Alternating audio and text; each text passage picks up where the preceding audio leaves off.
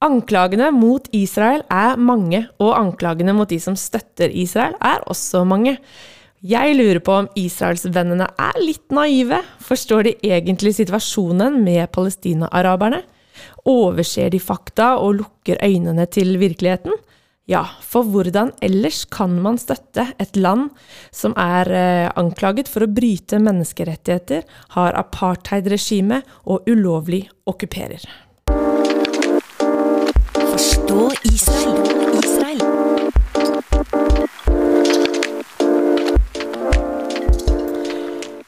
Velkommen til studio, Dag Øyvind Juliussen. Ja, takk skal du ha. Du er leder for Internasjonale kristne ambassade Jerusalem sin norske avdeling.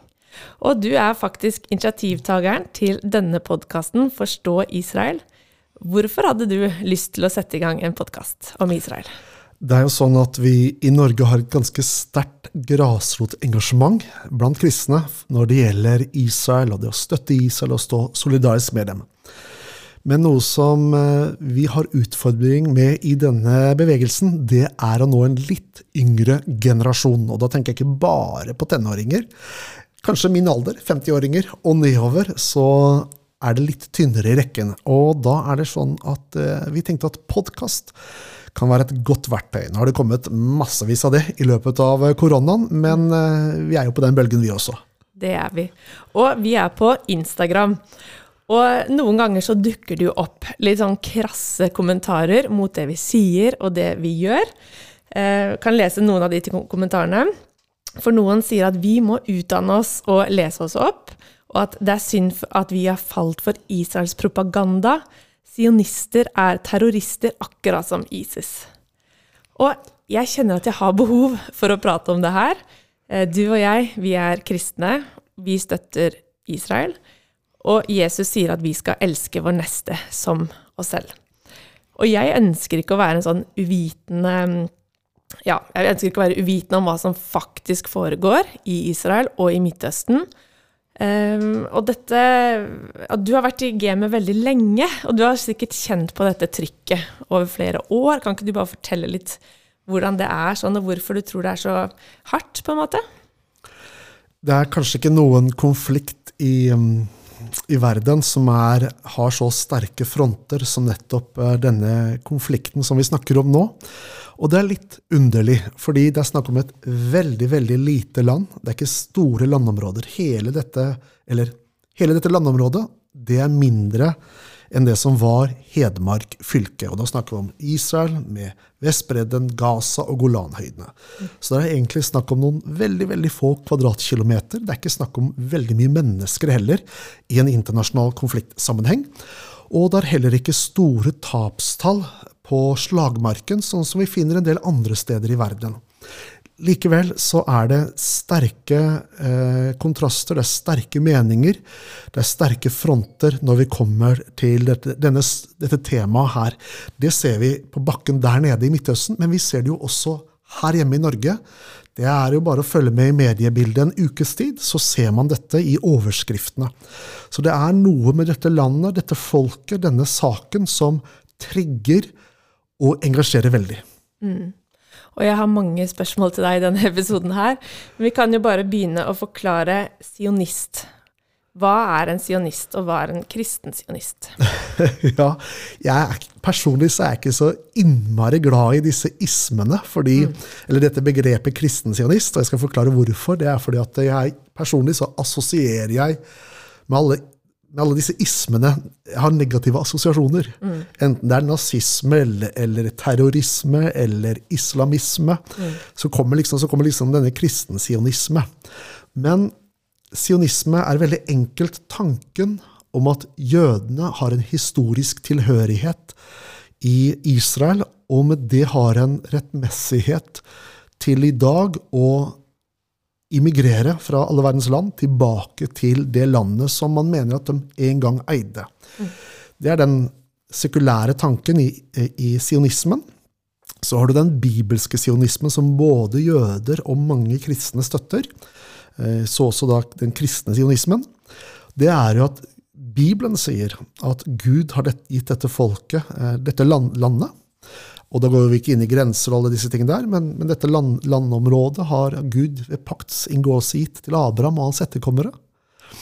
Og eh, vi tror at det er Gud i dag som henter det jødiske folket tilbake til Israel. og Derfor ble ikke opprettelsen av staten Israel bare en politisk hendelse i rekken av mange opprettelser av stater i Midtøsten eh, før og etter første verdenskrig, eh, unnskyld, andre verdenskrig.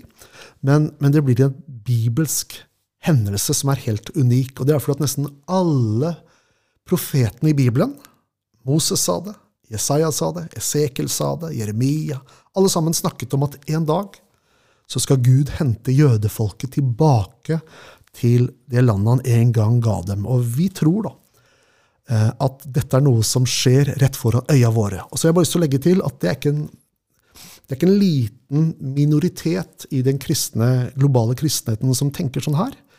Store deler av f.eks. den pentakostale bevegelsen, som teller mellom 500 og 700 millioner globalt, har denne tanken og dette perspektivet på det. Så ja. Så kort oppsummert så handler det om at man ønsker og tror at jødene har rett til land. Veldig enkelt, ja. ja. Du, skal vi hoppe rett inn i vepsebolet? um, Palestina-Israel-konflikten. Det er jo kanskje det første mange tenker på når man nevner Israel. Og det er krevende, for det er mange mennesker som lider, og det er faktisk på begge sider. Hva tenker du om det? Ja, først vil jeg si at eh, både vi som organisasjon i Internasjonale kristne ambassade i Jerusalem ønsker det beste for alle parter. Og kan, Da kan man si at ja, men det der er jo bare en klisjé. Nei, det er det ikke. Vårt sosiale hjelpearbeid i landet går til 80% til jøder og 20 til ikke-jøder. Fordi det er befolkningssammensetningen i landet. Så vi gir både sosialhjelp til jøder, men også til kristne, muslimer, drusere, beduiner osv. Så, så er, er det en kamp, det er en konflikt om dette landets eksistens. Mange sier at det er fordi at Israel okkuperer Vestbredden. Det er det man sier at det er årsaken til konflikten, men da ville det jo vært fred før Israel fikk denne kontrollen i 1967. Men det var det ikke. Eh, allerede før Israel ble opprettet i 1948, så var det konflikt, væpna konflikt mellom partene. Og sånn jeg personlig ser på denne konflikten, så er det en grunnleggende kamp mot Israels eksistens. Og det er veldig tydelig definert. Det er ikke liksom skjult, det er ikke en hidden agenda her. Det er veldig tydelig definert i Hamas sitt charter, i PLOs opprinnelige charter, i hva Hizbollah mener, i hva Iran mener. Altså, de sier alle sammen at Israel må utslettes. Israel er en kreftsvulst og må bort fra Midtøsten. Noen mener det uh, ut fra en religiøs forankring, islamisme. Andre har det ut fra ideolo et eh, sekulært ideologisk perspektiv. Men det handler om jødefolkets rett til et hjemland i dette landområdet. Det er kjernen i konflikten. Og der hvor det er vold, der hvor det er terror, der hvor det er krig, så blir det alltid ofre og sivile ofre. Og fordi gang på gang så blir Israel angrepet, det har vi jo alle sammen vært vitne til i senere år, med med tsunamier av raketter fra, for eksempel, eh, fra Gaza. Og når det da oppstår sånne konflikter, eh, militære, så, så rammes sivile. Både på israelsk side og på arabisk side. Og hvert, hvert menneskeliv som går tapt i denne konflikten, er jo en tragedie. Mm.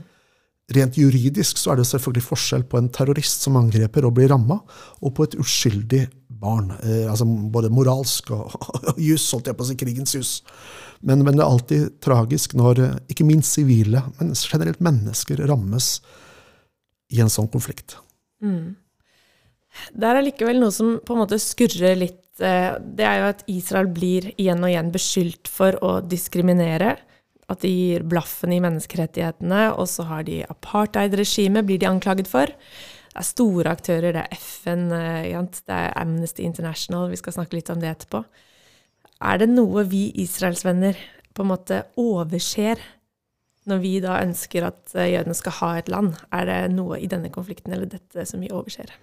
Det er ingen av oss som mener at alt Israel gjør, er fullkomment og perfekt.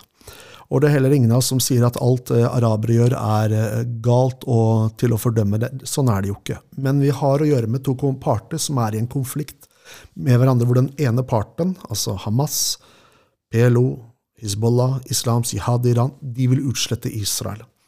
Um, og jeg har ikke noen annen rasjonell forklaring enn at her er det to forskjellige historier som presenteres. Jeg har fulgt denne konflikten i norske medier i um, ja, eh, nå begynner jeg å bli voksen, så er jeg snart eh, 35 år. Så jeg har fulgt nøye med hvordan mediene dekker eh, konflikten i, i Israel. Og jeg sitter jo med en helt annen beskrivelse av det som skjer på bakken der, gjennom ulike kilder, sammenligna med det vi ofte ser i særlig norske medier. Men denne storyen, eh, eller dette perspektivet, det finner vi også, sånn jeg ser det, inn i FN og også inn i andre ulike internasjonale organer. Hvor jeg mener at man, man behandler Israel ja, Israels tidligere statsminister han sa det sånn at Israel er nasjonenes jøde. Og, og det er noe her, tror jeg personlig, som vi ser gjentar seg sjøl histor gjennom historien. Det at Israel behandles ut fra andre kriterier enn det man gjør med andre stater og nasjoner. Gjennom all historie så har jødene blitt trakassert. De har blitt løyet på, og basert på løgnene så har man forfulgt dem. Det er den grove historien om antisemittisme. Eh, og den korte historien om antisemittisme. Men jeg ser noe av den samme dynamikken i dag når vi kommer til staten Israel. Og det betyr ikke at Israel er fullkomment. Altså, Israel er et demokrati, det er pluralisme, det er masse meninger. Masse ulike perspektiver. Som, det er debatt hele tiden for de som kjenner dette samfunnet. Om nesten alle ting. Så det er jo ikke sånn at der er det lokk på, sånn som vi ser i Russland nå i forhold til krigen mot Ukraina. Det er jo, det er jo som natt og dag, disse to samfunnene. Fordi det er et åpent og fritt israelsk samfunn hvor araber kan si hva de vil, kristne kan si hva de vil, jødene kan si hva de vil, muslimer kan si hva de vil. Det er full ytringsfrihet. Så det er et oppkok av debatt hele tiden. Jeg bare følger med for den som er virkelig interessert, i, i parlamentet. parlamentet. Det er konstant debatt om disse tingene. Mm. Men jeg opplever og jeg tenker at Israel blir forskjellsbehandla på en negativ måte. At det er noen ikke gode Det er noe som driver denne fram, denne ubalansen, denne slagsiden mot Israel fram i ulike medier, og også blant en del politikere, som ikke handler om at eh, ja, de er ikke kristne, og de er kristne, og liksom, de tror ikke på Bibelen, og sånn, men, men det handler om en grunnleggende rettferdighetsforståelse. Så å bruke like kriterier på, på Israel som under på andre land. Har du noen tips til eh, meg og lytterne hvordan vi kan avsløre eh, om det da er forskjellsbehandling, om det er noe løgn som blir sagt om Israel? Du vet, når jeg på, på 90-tallet ble engasjert når det gjaldt Israel eh, 90-tallet? Nei, nå, det var faktisk på 80-tallet. Oi, oi, oi. Så leste jeg avisa, og jeg så på Dagsrevyen osv. Og, så videre, og det var vanskelig å følge opp kildene. eh, Følge opp hendelsene. I dag så er det bare å ta fram mobiltelefonen sin når en, dag, en sak presenteres på Dagsrevyen, eh, på Dagsnytt 18, Aftenposten, VG osv., så, videre, så kan man ta opp telefonen sin, og du kan sjekke andre kilder umiddelbart. Uh, og det er jo den store forskjellen i dag, og for uh, når jeg på 80-tallet begynte å engasjere meg for Israel som en tenåring. Uh, og jeg tenker sånn at uh, det å gå til ulike kilder, internasjonale kilder, er et perspektiv, eller et, en, en mulighet. En annen ting er å gå til israelske kilder. Og da vil mange si at ja, men de er jo ubalanserte. Nei, i den israelske floraen av medier så er det stor bredde på eh, Hva skal jeg si Jeg vil ikke si partipolitisk, da, men ulike nyanser på enten man er på venstresiden eller høyresiden i politiske, den politiske sfæren. Og der kan man finne alle saker som Dagsrevyen tar fram, de finner du også dekket i israelske medier, men forskjellen er veldig ofte at du får en kontekstualisering i svenske medier. Du får se sammenhengen, du får se hva som var årsaken, og ikke bare at det og det har skjedd, men, men hvorfor har dette skjedd? Det savner jeg veldig ofte i norske mediers dekning. Og apropos det, i eh, norske medier særlig, så hører vi igjen og igjen at Israel ulovlig okkuperer. Eh, og det hører jeg så ofte at det er på en måte bare egentlig en del av språket når du snakker om eh, Vestbredden og Gaza. Ulovlig okkupert, ulovlig okkupert. Men um, hva må vi vite om akkurat det der med okkupasjon? Jeg tenker at uh, her er det igjen to forskjellige historier. Og Nå skal ikke jeg påberope meg å ha den store, hele og fulle sannheten, men vi har noen viktige historiske eh, momenter eller fakta å, å bidra til inn i debatten. Og som det jeg opplever i, Jeg jobba i Den kristne ambassaden her siden 96, og jeg har vært med å lede arbeidet de siste åtte åra siden 2014. Og jeg opplever det nesten umulig å komme inn i den offentlige debatten, til tross for at vi representerer tusener i Norge og millioner av kristne globalt. Mens Palestinakomiteen, bare for å ha sagt det, som har noen ytterst få medlemmer sammenlignet med den Israelsbevegelsen i Norge, så er jo de ved mikrofonstativet nesten jeg skal ikke si kontinuerlig, for det er en overdrivelse, men veldig ofte når debatten, eller når konflikten eh, øker i Israel, og det er mer fokus på det. Da ser du Palestinakomiteen, selv til tross for bare noen få tusen medlemmer, så er de ved bordet. De er debatt, debattantene som blir invitert til f.eks. NRK. Eh, når det gjelder okkupasjon, så er det noen enkle fakta som er greit å være klar over. Nummer én, det har aldri historisk eksistert en palestinsk nasjon eller stat. Når ISA ble opprettet i 1948, så var det snakk om opprettelsen av en ny arabisk stat. Men ingen, ikke araberne selv, verken Den arabiske liga eller de som bodde i området, snakket om at det må opprettes en palestinsk stat. Det skulle bli en ny arabisk stat, i tillegg til Syria, Irak, Libanon, Jordan osv. Um, og så vil man si ja, men det har vel bodd folk der. Ja, det har bodd arabere i området, det har bodd jøder i området, beduiner, drusere og ulike befolkningsgrupper i et område som Mark Twain på midten av 1800-tallet sa at For han reiste gjennom landet, og han sa at her bor det nesten ingen mennesker. Men det har aldri vært noen nasjon, et egen eh, suverenitet eller etnisk gruppe kalt og definert som palestinere. Derfor så finner du heller ikke noe palestinsk språk. Samene her i Norge, som jo er minoritet, mye, er mye mer, et, mye mer et folk, historisk, enn den gruppen vi snakker om nå. Og det er greit å være klar over. Um, I tillegg, så før ISA ble oppretta i 1948, så var dette landområdet her, altså Israel, Vestbredden, Gaza, Golanhøyden, hele dette området, Jerusalem, det var 400 år under tyrkisk suverenitet. Det ottomanske riket. Det varte i 400 år fram til første verdenskrig. Etter første verdenskrig så ble alle statene i Midtøsten opprettet i de påfølgende tiårene.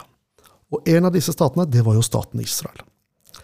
Og det var vedtak som ble gjort i San Remo-konferansen i 1920, i Folkeforbundet i 1922, som besluttet at dette området som Israel har i dag, det skal være et hjemland for det jødiske folket. Når man da snakket om hjemland, så betydde det en stat for det jødiske folket. Hvilket år var San Remo-konferansen? San Remo var i 1920, altså fredsoppgjøret etter første verdenskrig. Og så var det Folkeforbundets vedtak i 1922, hvor altså Vestbredden var en del av Israel, og man sa at dette skulle bli et jødisk hjemland. Og ikke bare det, det skulle være tett jødisk bosetning. Alle har hørt om jødiske bosetninger, i hvert fall de som følger med litt på konflikten. Så det er vedtakene, og dette ble bindende internasjonal lov. Og den jussen der, den har ikke blitt endret siden da. Dersom Israel og palestinerne oppretter en palestinsk stat, man er enige om det, da endres jussen og folkeretten i området. Men det har ikke skjedd ennå. Så den dag i dag så har Israel juridisk rett på disse landområdene. Dette bestrider mange aktører i det internasjonale samfunnet, mm. men det her er faktaene vi bringer til torgs, og som ingen saklig egentlig svarer på. Jeg har lært at eh, på de samme rettslige grunnlaget som da jødene ble lovet å få et eget land, så ble Svalbard Eh, opprettet da, på en måte.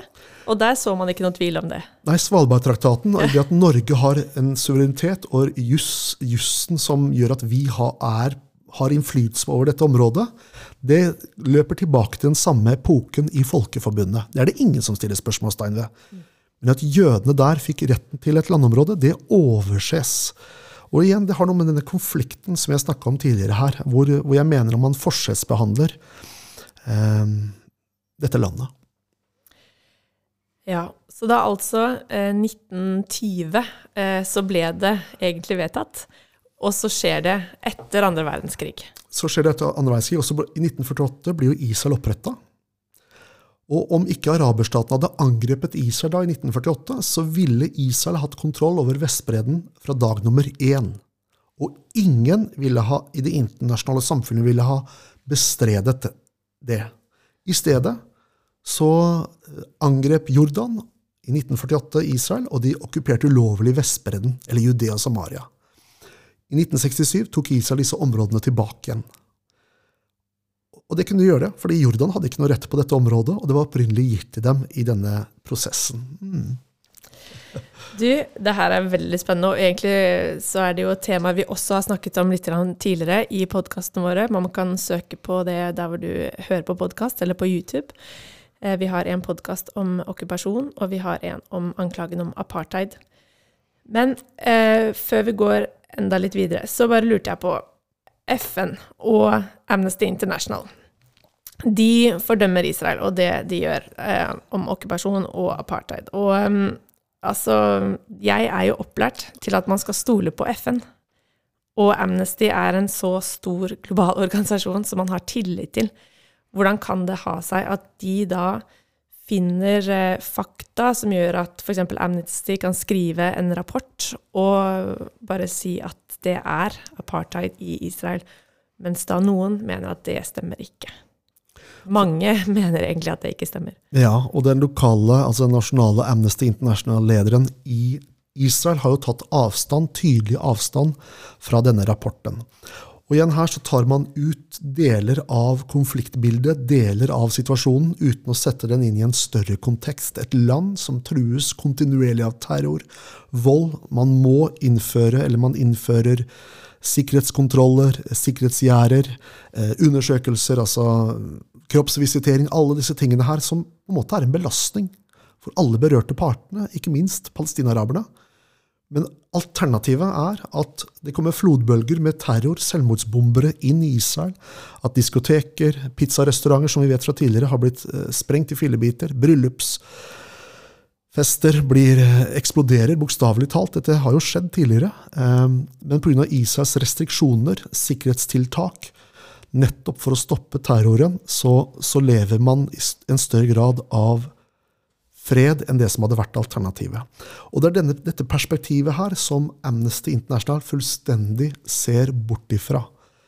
Eh, og så lager de en presentasjon av en stat som da, jo da fremstilles som en versting. De eneste, jeg tror de eneste andre i verden som Amnesty omtaler som eh, apartheid-lignende regime, det er Burma sin behandling, eller Myanmar sin behandling av rohingya-befolkningen, tror jeg. Jeg tror ikke Det er noe an- det er ikke noe annet land i verden de omtaler som apartheid. Og så Hvis du da sammenligner Israel da, og de palestinske selvstyreområdene, der bor det ingen jøder. Ifølge israelsk lov så kan de ikke bo der, det, eller reise inn der, for det er for farlig for dem.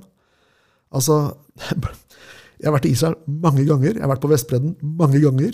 og der araberne bor, eh, der kan ikke jødene dra inn. Faren, risikoen, er for høy. Mens i Israel bor jøder og arabere sammen på kryss og tvers i hele landet. Og det å da fremstille dette landet som da apartheid, hvorfor ikke adressere Palestina eller PA-myndighetene? De ville heller ikke kvalifisert til det som er apartheid, faktisk, men de er mye mer apartheid-lignende eh, samfunn enn det Israel er i forhold til behandlingen av sine minoriteter. Det er gjort levekårsundersøkelser i Israel som viser at araberne, og det er ikke så mange år siden, er mer tilfreds med livet enn jødene som bor i Israel. Du finner arabiske eller palestinske eh, befolkning i alle deler av samfunnet. Du finner dem i parlamentet som statsråder, du finner dem som parlamentarikere, du finner dem i høyesterett. Første, altså muslimsk araber sitter i Israels høyesterett og er dommer der. Det er helt utenkelig at noe skjer, slikt skjer i et apartheid-regime.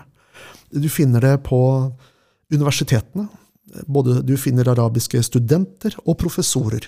Du finner det på sykehusene som pasienter og overleger. Så dette dette, denne labelingen av ISA som et apartheid-regime Jeg ser ikke på det og, og, eh, så langt jeg ser. Jeg ser ikke på det som noe annet enn egentlig ondsinna aggresjon, politisk aggresjon mot Israel.